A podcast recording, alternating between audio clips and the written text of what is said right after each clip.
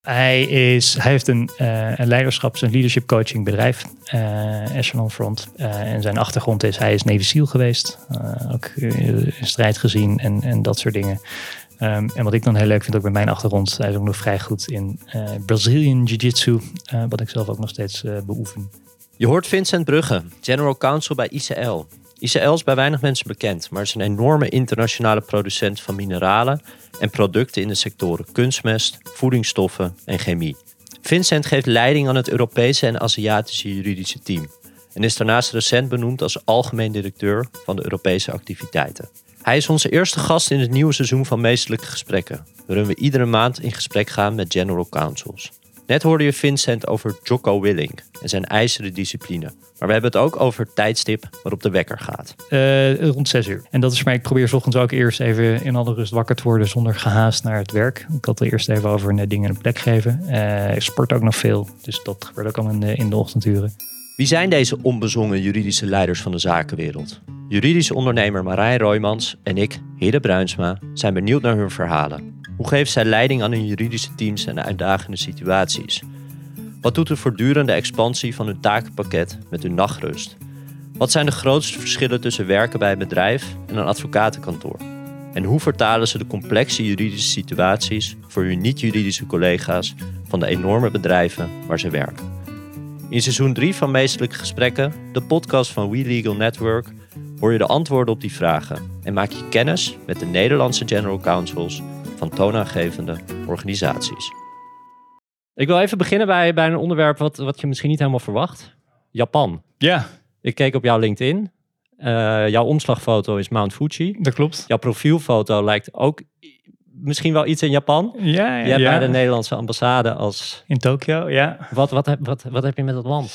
Ja, dat is lastig uh, in, in zoverre. Ik denk, als klein kindje ben ik, uh, toen ik vier was, begonnen met judo.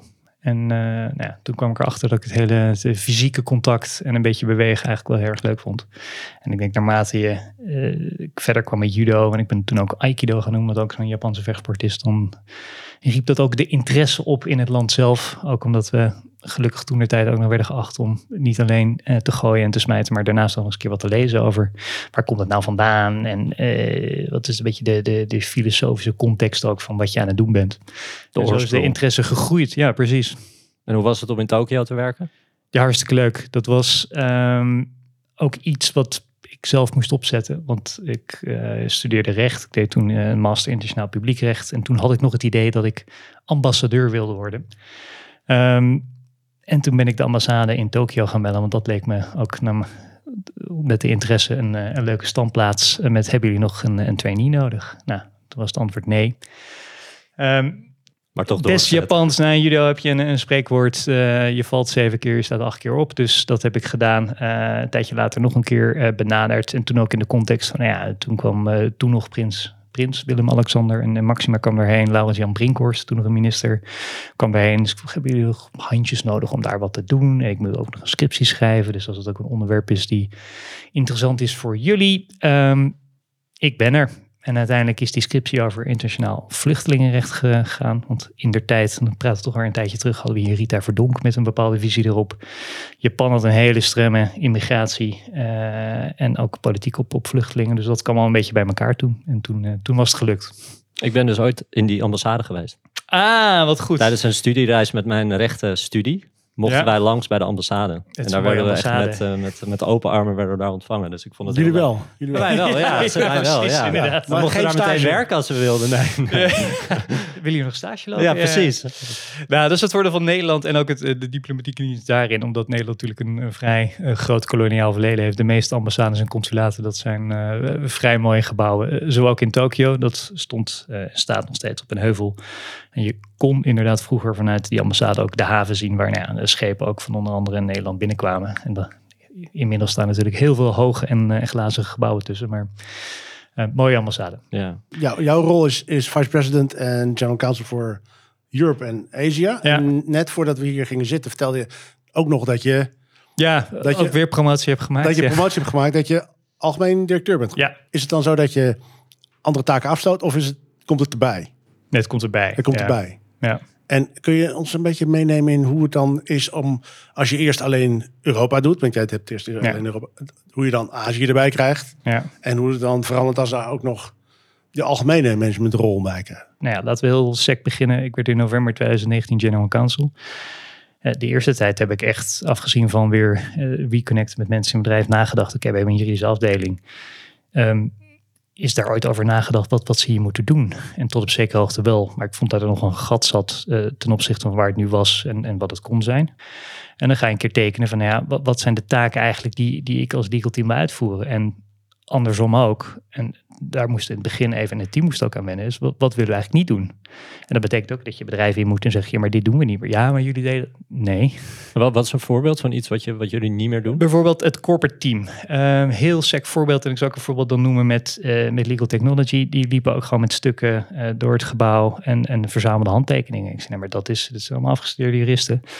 Um, dus een van de eerste dingen die ik gedaan heb is uh, DocuSign uh, aangeschaft. Had ook nog even wat weerstand. Uh, maar goed, ik zei net november 2019.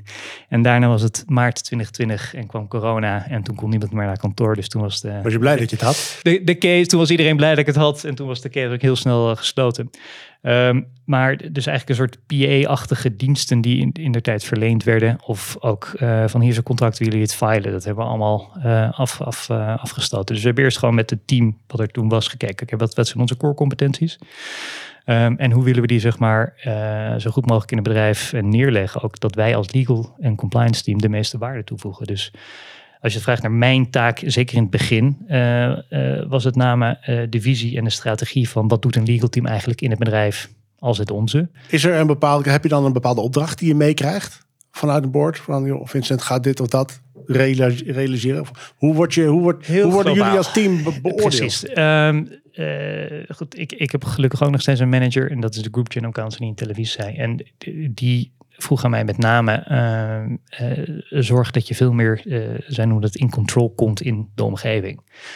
En dat betekent eigenlijk ook dat je zowel je, je bemoeienis als je impact veel breder moet zijn dan alleen op het, op het smalle, voor ons bedrijf in ieder geval smalle legal en compliance speelveld. En dat betekent ook dat je bij managementteams moet aanschrijven, begrijpen ook hoe business werkt. Je moet toch begrijpen hoe die keten in elkaar zit. Want als ik ergens over moet adviseren, dan moet je dat kunnen relateren aan wat we doen. En niet alleen als jurist. En dat is het grote verschil met advocaat. Alhoewel ik had gisteren een gesprek met iemand van een advocaatkantoor. Die, die leiden natuurlijk hun partners ook steeds meer op als business savvy. En ze moeten van ESG weten. Maar een advocaat kijkt in eerste instantie gewoon naar het recht. En dit, dit zegt de wet. Maar wij moeten dat allemaal van tevoren af al in de context plaatsen van wat we doen als bedrijf.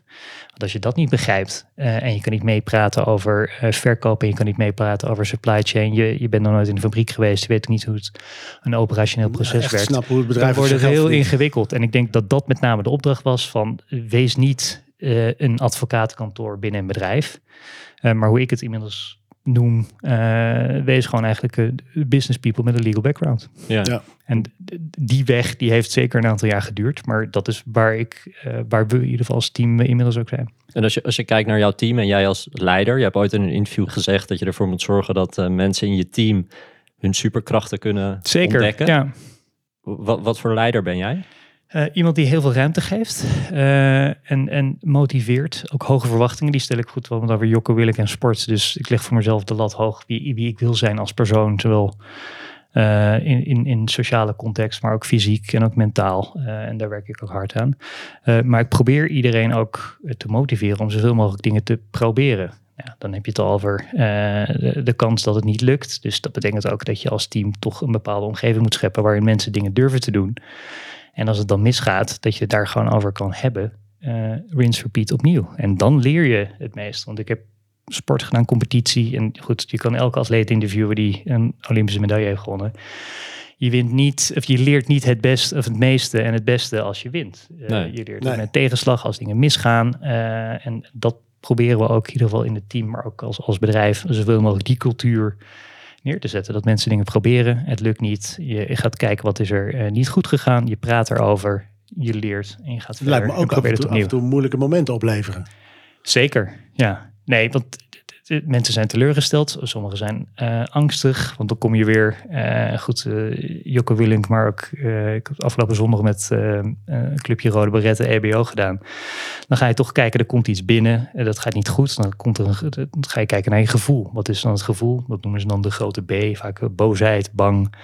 Dus dat moet je allemaal kunnen kanaliseren. en je moet het erover kunnen praten. En als je dat goed doet, dan komt er uiteindelijk iets uit waardoor mensen groeien en dus ook beter worden in wat ze willen doen. je team, wat echt een, een, moeilijk, een, een, moeilijkste moment met je team uit de afgelopen tijd? Ja, in de afgelopen tijd goed, uh, zonder heel uitgebreid te gaan over de, de situatie in Israël. Maar dat is natuurlijk ook uh, iets verschrikkelijks. Dus uh, zoiets waar opeens heel veel van je collega's ook geraakt te worden, emotioneel. Nou, ik zelf ook, want ik, ik heb natuurlijk heel veel collega's in Israël, maar, en inmiddels ook vrienden. En, en dat is heel ingewikkeld om, het, uh, om dat te, te bespreekbaar te maken en ook uit te leggen. Want dan heb je het over nou ja, hoe ondersteun je collega's zonder dat meteen heel politiek te maken.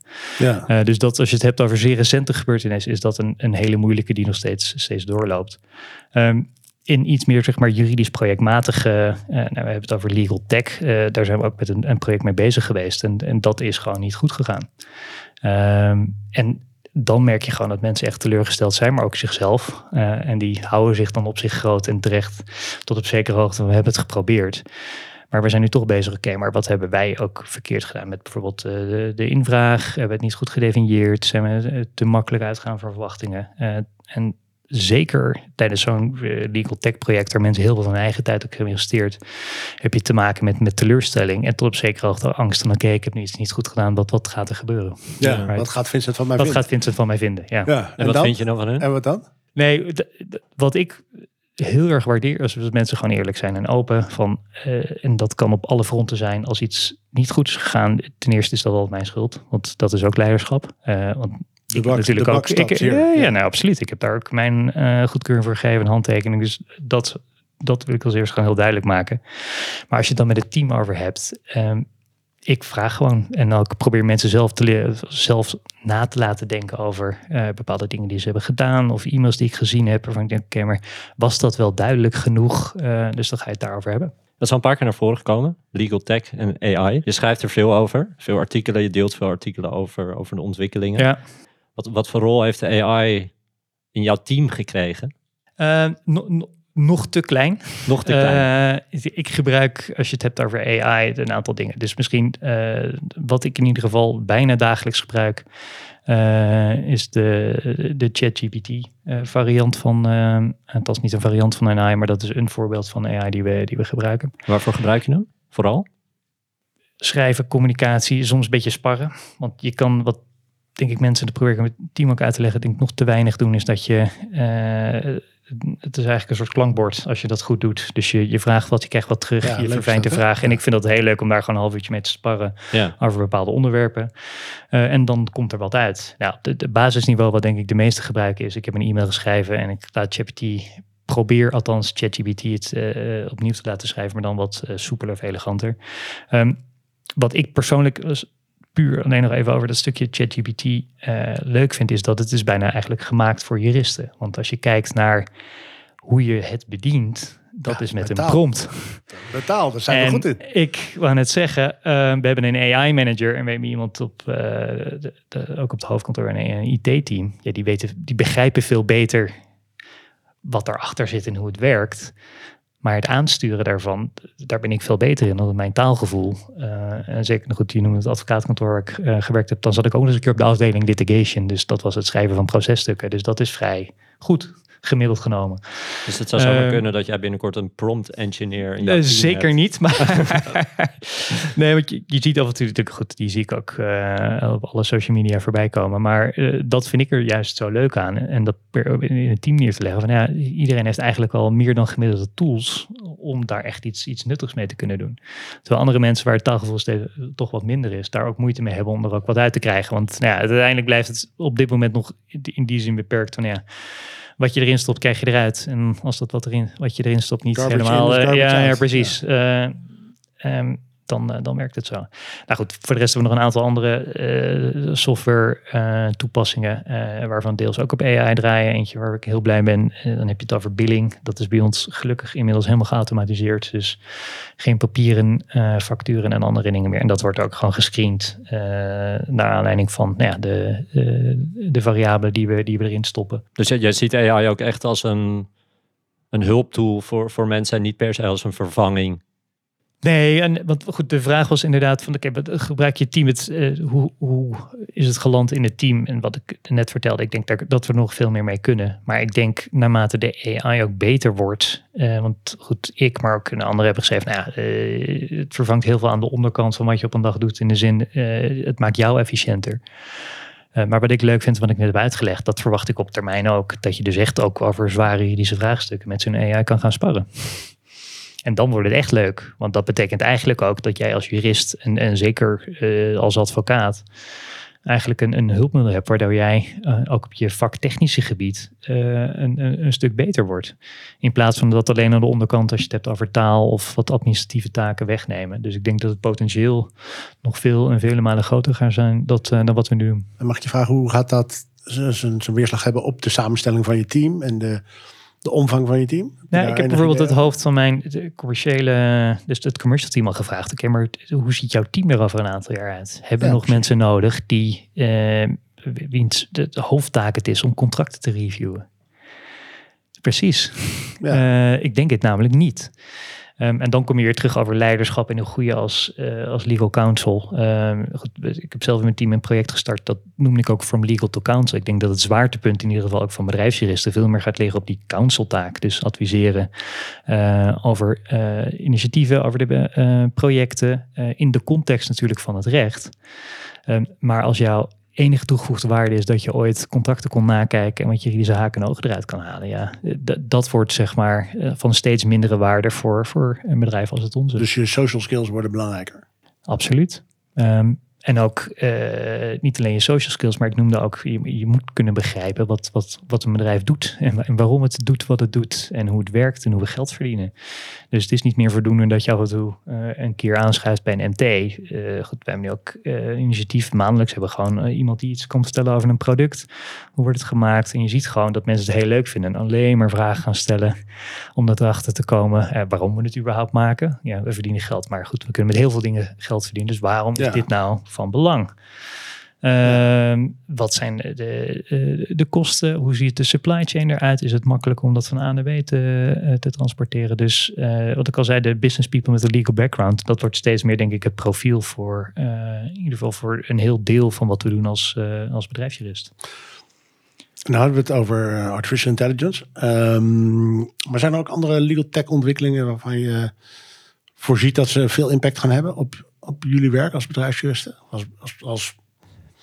Nou, wij zijn nu ook uh, bezig met dus zo'n zo'n contract lifecycle management systeem. Ja, de, de, dat, de eerste demo's van wat, wat, het zou moeten kunnen, dat heb ik al een aantal jaar geleden uh, al, al, gezien. En toen was het meh. Ja. Het werkte toen voor, denk ik met name banken en verzekeraars die gewoon een standaard set documenten hebben die elke dag gebruikt worden, waar heel weinig uh, variabelen in zijn. En, en dat is rinse repeat. En, en dan kun je daar wat mee. Maar goed, wat ik net vertelde, zeker hoe onze business georganiseerd is en wat voor type contracten we nodig hebben. Um, is dat zeg maar een, een, platform waar wij niet zoveel mee kunnen. Dus ik denk dat de legal tech kant voor dat soort uh, producten ook steeds aantrekkelijker wordt. Ook, ik was een aantal weken geleden in Berlijn, heb ik ook in een panel iets, iets over AI en legal tech gezegd. En er waren ook een aantal vendors die, uh, uh, die dat soort producten verkochten. Ja, die AI wordt bijna geïntegreerd. En dan krijg je een soort contract lifecycle management systeem met een soort AI buddy om het zo maar te noemen, waar je gewoon in vragen, ja, naar de co-pilot, waardoor je uh, dingen vragen kan stellen. Dus het wordt ook, denk ik, steeds meer geïntegreerd in, in producten die ook de afgelopen tijd een stuk beter zijn geworden uh, en betaalbaarder, wat voor ons natuurlijk nog steeds relevant is dan een aantal jaar geleden. Waar ik denk ik maar voor een paar grote bedrijven het uh, een, een goede investering was om daar in ieder geval je, je, zowel je kosten, maar als ook de efficiëntie mee te behalen. We gaan even naar de tussenronde. We hebben wat stellingen. Kom erop. Ja hoor. Oh, heerlijk. Yes. Eens, oneens uh, stellingen. Ja. Uh, Oké. En dan aan het einde kiest Marijn er eentje uit die je nog even kort mag uh, toelichten. Okay. Ja. Een general counsel moet altijd onderdeel zijn van de raad van bestuur. Eens. Ik let heel erg op de normen en waarden van de externe juridische dienstverleners waarmee we zaken doen. Eens. Er zouden meer general counsels van onder de 40 moeten zijn. Net boven de 40. Ehm, Ja, ja, moet ja, dus, eh, ingewikkeld. Eh, neutraal kan niet, hè? Eh daar ga ik voor eens. En dan kan ik dan later nog toelichten. Kom maar. Die kans krijg je niet meer. Oké, dankjewel. De salarissen van de mensen in mijn team zijn in lijn met wat er van ze wordt verwacht. eens. Het nemen van een sabbatical staat nog op mijn wensenlijst. Oneens. Ik heb nog nooit wakker gelegen van mijn werk. Oneens. Mijn team is groot genoeg om alle werkzaamheden te doen die we moeten doen. Eens. Corporate governance is de belangrijkste verantwoordelijkheid van een general counsel. Oneens.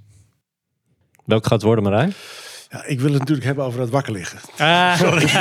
Sorry. Ik wist Ja, dat dit aan zou Dat wist je komen. natuurlijk. ja, Ja, natuurlijk. Nee, dat is prima. Ehm, ja, de, de- zowel met projecten als gebeurtenissen. eh, dat neem ik af en toe wel mee naar huis. Ik denk, de- de- een van de dingen die ik heel erg fijn vind, in ieder geval hoe ik werk en ook probeer te werken, is dat ik, eh, nou ja, eh, als ik kantoor uitfiets, eh, het werk eh, tot op eh, zeer grote hoogte daar achterblijft. Maar dat eh, lukt mij zelfs, quote-unquote, eh, ook niet altijd. En dan heb je het over nou ja, de recente gebeurtenissen. Een groot project eh, waarvan ik denk, oké, dit, dit is helemaal eh, links of rechts afgegaan. En hoe ik dan in elkaar zit, eh, is dat ik dat ook thuis nog even Even proces. Even proces, maar ook, nou ja, misschien is dat ook weer de vroege advocaat in mij, toch weer even met mezelf gaan debatteren hoe we dat kunnen aanvliegen. En ook voorbereid ben, eigenlijk op de volgende werkdag al. Nou ja, als er vragen komen of wat dan ook, dan ga ik niet in het moment nadenken. Maar dan heb ik, ik denk dat proces misschien het beste eh, niet-Nederlandse woord is. Eh, maar dan heb ik in ieder geval zelf over nagedacht en eh, dat een plekje kunnen geven. En ik denk dat je dan ook veel beter in staat bent om dan in het moment daar iets nuttigs mee te doen. Dan eh, als je echt helemaal geblokkeerd bent, eh, je, je denkt er niet over na en je moet de volgende dag weer een beslissing nemen of deelnemen aan een discussie of er is een executive maar meeting waar je iets van wakker moet liggen is natuurlijk nog wel iets meer dan processen. Ja, ja, dat klopt. Ja, maar goed, dan slaap ik ook niet altijd goed. Dus ehm, Stuk, stukje, duur, een stukje duurzaamheid. Wa- Wat, wat speelt er? Als je mij nu vraagt wat, afgezien ehm, van de, de meer generieke managementtaken, maar qua topics, wat had je misschien niet altijd wakker, maar waar ben je het meest mee bezig, is dat dit onderwerp. En dat heeft een aantal redenen. Eén, de CFO, als je het kijkt over hoe wij dus beoordeeld worden, want de CFO heeft gezegd, nou dat wordt op een gegeven moment gewoon je license to operate. Want eh, als jij op een dusdanige manier eh, eh, je, je producten maakt en dat loopt niet in de pas met wat quote-unquote de wereld verwacht van bedrijven als de onze. Dus je vervuilt te veel of je let niet op hoe het gemaakt wordt in bepaalde landen. Ik denk vrij snel dat banken daar een probleem mee gaan hebben. Dat hebben ze zijn nu al heel streng. Dus financiering, ja, convenant in onze financieringsdocumentatie. Ehm, als bedrijf zelf, eh, goed, het, natuurlijk in onze tagline eh, Impact for a Sustainable Future, eh, het intrinsiek geloof dat we dit moeten doen omdat het goed is. En de tweede, zoals onze CEO ook zegt, is een business opportunity. Dus aan twee kanten. Of als wij het niet doen en de concurrentie wel, dan hebben die een voordeel. Van ja, het biedt ook kansen om inderdaad in die verduurzaming ook iets toe te voegen aan de productenkant. eh, waar we uiteindelijk ook weer mee geld kunnen verdienen. En waarom is het logisch om die verantwoordelijkheid voor dat ESG-beleid deels bij legal neer te leggen? Of bij Ik jouw team of- in ieder geval? Ja, ik weet niet of het logisch is. Dit heeft een, eh, ook echt puur een ICL-achtergrond. Eh, degene die daar verantwoordelijk was, is anderhalf jaar geleden overleden. Ehm, en toen is er ook besloten om zijn portefeuille hier en daar te, te herverdelen. Dus ik denk als je kijkt eigenlijk naar het meer een historische... Precies, of de totale verantwoordelijkheid. Ehm, kijk, het, corporate stukje, eh, en dan heb ik het over, eh, we zijn nu bezig met, eh, om het concreet te maken, dus CBAM. Dus dat is de Carbon Border Adjustment Mechanism. Dus dat is eigenlijk de, eh, de, de belasting die bedrijven straks moeten gaan betalen aan de poort van Europa Ja, eh, voor CO2 die ze, die ze van buiten invoeren. Nou, een aantal pijlers eh, zitten wij in, de, in de, de frontlinie en een ervan is fertilizers. Nou, ik heb uitgelegd wat we doen, dus eh, wij moeten daar wat mee. en in hoeverre is, het, is, het, hele- is dit aspect ideologie? En in hoeverre is dit gewoon business? Ik denk een hele, hele mix. Het is, ik denk dat je er nog eentje toe kan. Het is niet alleen ideologie, maar ook gewoon compliance. Want moet. uiteindelijk ook. Het moet gewoon. Het moet gewoon. En dan zie je ook bijvoorbeeld ook dat, ehm, en dat vind ik dan wel weer leuk, eh, de innovatieve kracht in, in het bedrijf loskomen. En ik kan daar een heel concreet voorbeeld van geven. 2025 is de, als ik dat goed heb, eh, de Europese Plastics Regulation van, eh, van kracht. Dat betekent dat er geen microplastics meer in het, in het grondwater en het milieu mag achterblijven. Ja, een deel van onze toegepaste kunstmest die ik eerder noemde, daar, zit, daar zat een heel klein coatingje van plastic omheen. Eh, om te zorgen dat bepaalde nutriënten bijvoorbeeld time-released worden afgegeven. En nou ja, dat mag dus niet meer in de toekomst. Ehm, wat onze R&D-afdeling nu heeft bedacht, is die plastic coating te vangen door een coating op basis van, zullen we het aankijken tot verkeerd, verkeerd maar, op basis generiek van magnesium. En dat betekent eigenlijk gewoon dat het biodegradable is, dus biologisch afbreekbaar. Uh, goed, daar zijn we nog mee bezig en dat, om dat verder te optimaliseren. Maar de, de code in zoverre is gekraakt. Uh, en, dan kun je, en dan kun je altijd afvragen van, was dat ook gebeurd? Als die wetgeving er niet was geweest, die ervoor had gezorgd dat we daar eens een keer over na gingen denken. Nou, laten we die coatings van die, uh, die specialty fertilizers nou eens. Gaan we zeker een keer doen. Ja. ja. precies. Ja. Nou, dus dat weet ik niet. Um, maar het is gebeurd. Maar het is gebeurd. En ik denk wel dus, afgezien van ideologie, dat dit soort wetgeving ook uh, tot op zekere hoogte uh, een, een, motivatie kan zijn om verder te innoveren. Maar dit is ook een heel mooi voorbeeld van hoe samenwerking tussen de verschillende afdelingen plaatsvindt bij jullie. Klopt. Ja. Want, want, want de R&D-afdeling komt, komt met, een, met een uitvinding eigenlijk op basis van dingen die in andere afdelingen, ja, waar, waar, waar een bepaalde druk op wordt gelegd. Zeker goed. Uh, wij ons natuurlijk als jurist onze bescheiden bijdrage aan geleverd uitleggen van de wet, uh, contracten en dat soort dingen. Dus, maar dat maakt het ook leuk, want we zijn toevallig naar dat, dat bedrijf uh, geweest, dat staat in Heerlen, ehm, met, met het juridische team hier in Amsterdam. En om er toch even terug te komen op dan de connectie van ja, wat bedrijfsjuristen. Ja, dat is hartstikke leuk, want je krijgt dus een, een, een goed verhaal over uh, dit is de innovatie. Je gaat daar kijken hoe die machine eruit ziet. Dus dan begint het echt te leven in het bedrijf. Je merkt dat iedereen daar toch dan weer met een heel positief gevoel uh, vandaan komt. Ja.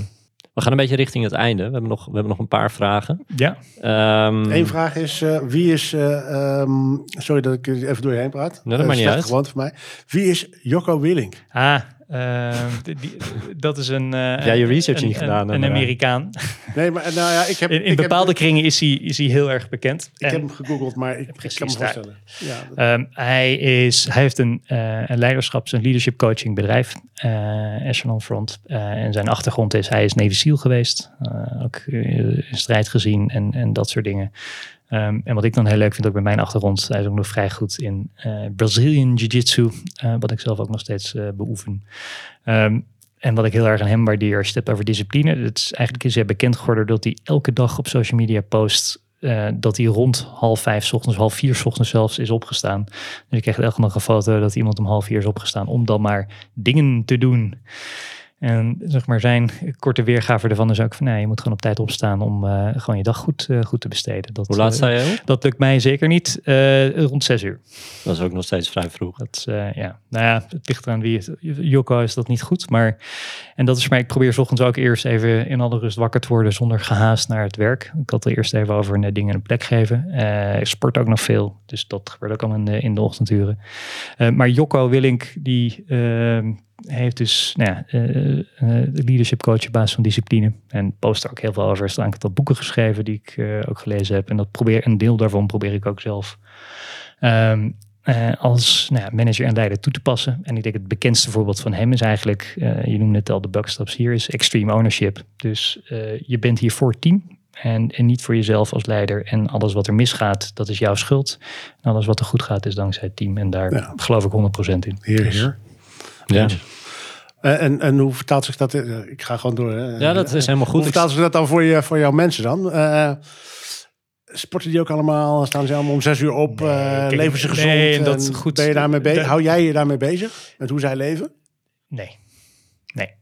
Uh, en ik, goed, dat is een van de dingen die ik ook heb moeten leren. Uh, toevallig, goed, we hadden het heel even over de nieuwe rol als algemeen directeur. Ik toch te kijken naar de restauranten, wat daar in eten wordt aangeboden. Maar ik heb ja. al van mijn vrouw doorgegeven, ja, maar jij gaat niet daar aanpassing doen, omdat jij wil dat mensen meer of anders eten. Je zo bij de kroketten gaan staan. Nee, precies, die zijn er zeker. Dus dat, en dat helpt ook helemaal niet. Nee, wat ik wil proberen uit te dragen is dat het leuk is. Toevallig ook een team dat over het geheel genomen erg sportief is. Uh, geroeid, triatleten. Ik ga ook mensen, ik, uh, iemand uit mijn team doet ook dat uh, rock climbing, bouldering. Dus dat probeer ik af en toe ook nog dan samen te doen. Dus dan bouw je ook buiten kantoor, zeg maar, zo'n zo'n relatie op. Dus dat vind ik heel leuk. maar ik ben niet iemand die precies bij de koketten gaat staan of daar opmerkingen over gaat maken. ik probeer het zelf uit te stralen. Nou ja, ook in die zin ja. extreme ownership. Wat voor mij werkt, uh, hoeft niet voor een ander te werken. Dus. Ik wil tot, tot slot nog heel even stilstaan bij het verschil tussen uh, werken bij een advocatenkantoor en werken bij ja. een enorm bedrijf. Ja, het is al een paar keer naar voren gekomen dat je veel meer eigenlijk de businesskant ook, ook meepakt.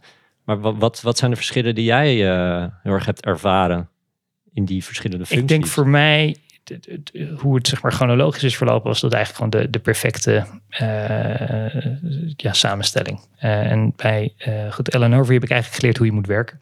En ik ben blij dat ik dat helemaal aan het begin van mijn carrière heb gedaan en, en niet daar als bedrijfsjes ben begonnen. Want je wordt heel erg gedrild in hoe manage een project, hoe praat je tegen klanten, hoe zorg ik dat deadlines haal. Dus dat was denk ik heel nuttig afgezien nog van de hele juridische bagage. Maar als je vraagt wat heb je daar echt het meest van geleerd, dat. Um, het enige wat ik dan nog mis in termen van andere verantwoordelijkheden. Want goed, het, het, voordeel van ouder is dat je ook op een gegeven moment toch een beetje begint te begrijpen. Nou, wat is dan mijn superpower? En dat is toch uh, werken met mensen, relaties opbouwen. En dus het leiden veel meer dan de juristerij. Um, wat ik wel nog mis, ik heb een aantal jaar echt daar heel leuk gewerkt, is toch gewoon de pleit in voor een tribunaal of een kort geding. Dus de, de, actie, we hadden het even voor de, de het gesprek erover. Dat is toch wel een van de dingen die ik heel leuk vond aan de advocatuur. en nu nog steeds soms wel mis, zeker als ik hoor of moet toezien hoe anderen Andere voor jullie namens ons ja. het woord voeren in, tijdens een zitting of in een tribunaal. Dus ehm, dat. Maar ik ben heel blij nu waar ik, waar ik nu zit. En als je ook kijkt naar waarvan ik denk dat ik de meeste waarde kan toevoegen voor, eh, voor iedereen, dan zit ik ook heel goed op mijn plek. Daarmee komen we aan het einde van uh, deze aflevering van Meestelijke Gesprekken. Vincent, enorm bedankt dat je er was. Ik vond het een leuk Jullie bedankt, ik vond het heel leuk. Dank voor de uitnodiging. Mocht je nou luisteren en denken, leuke serie, laat dan even een beoordeling achter. En laat ons weten wat je van dit gesprek vond. En uh, graag tot de volgende keer.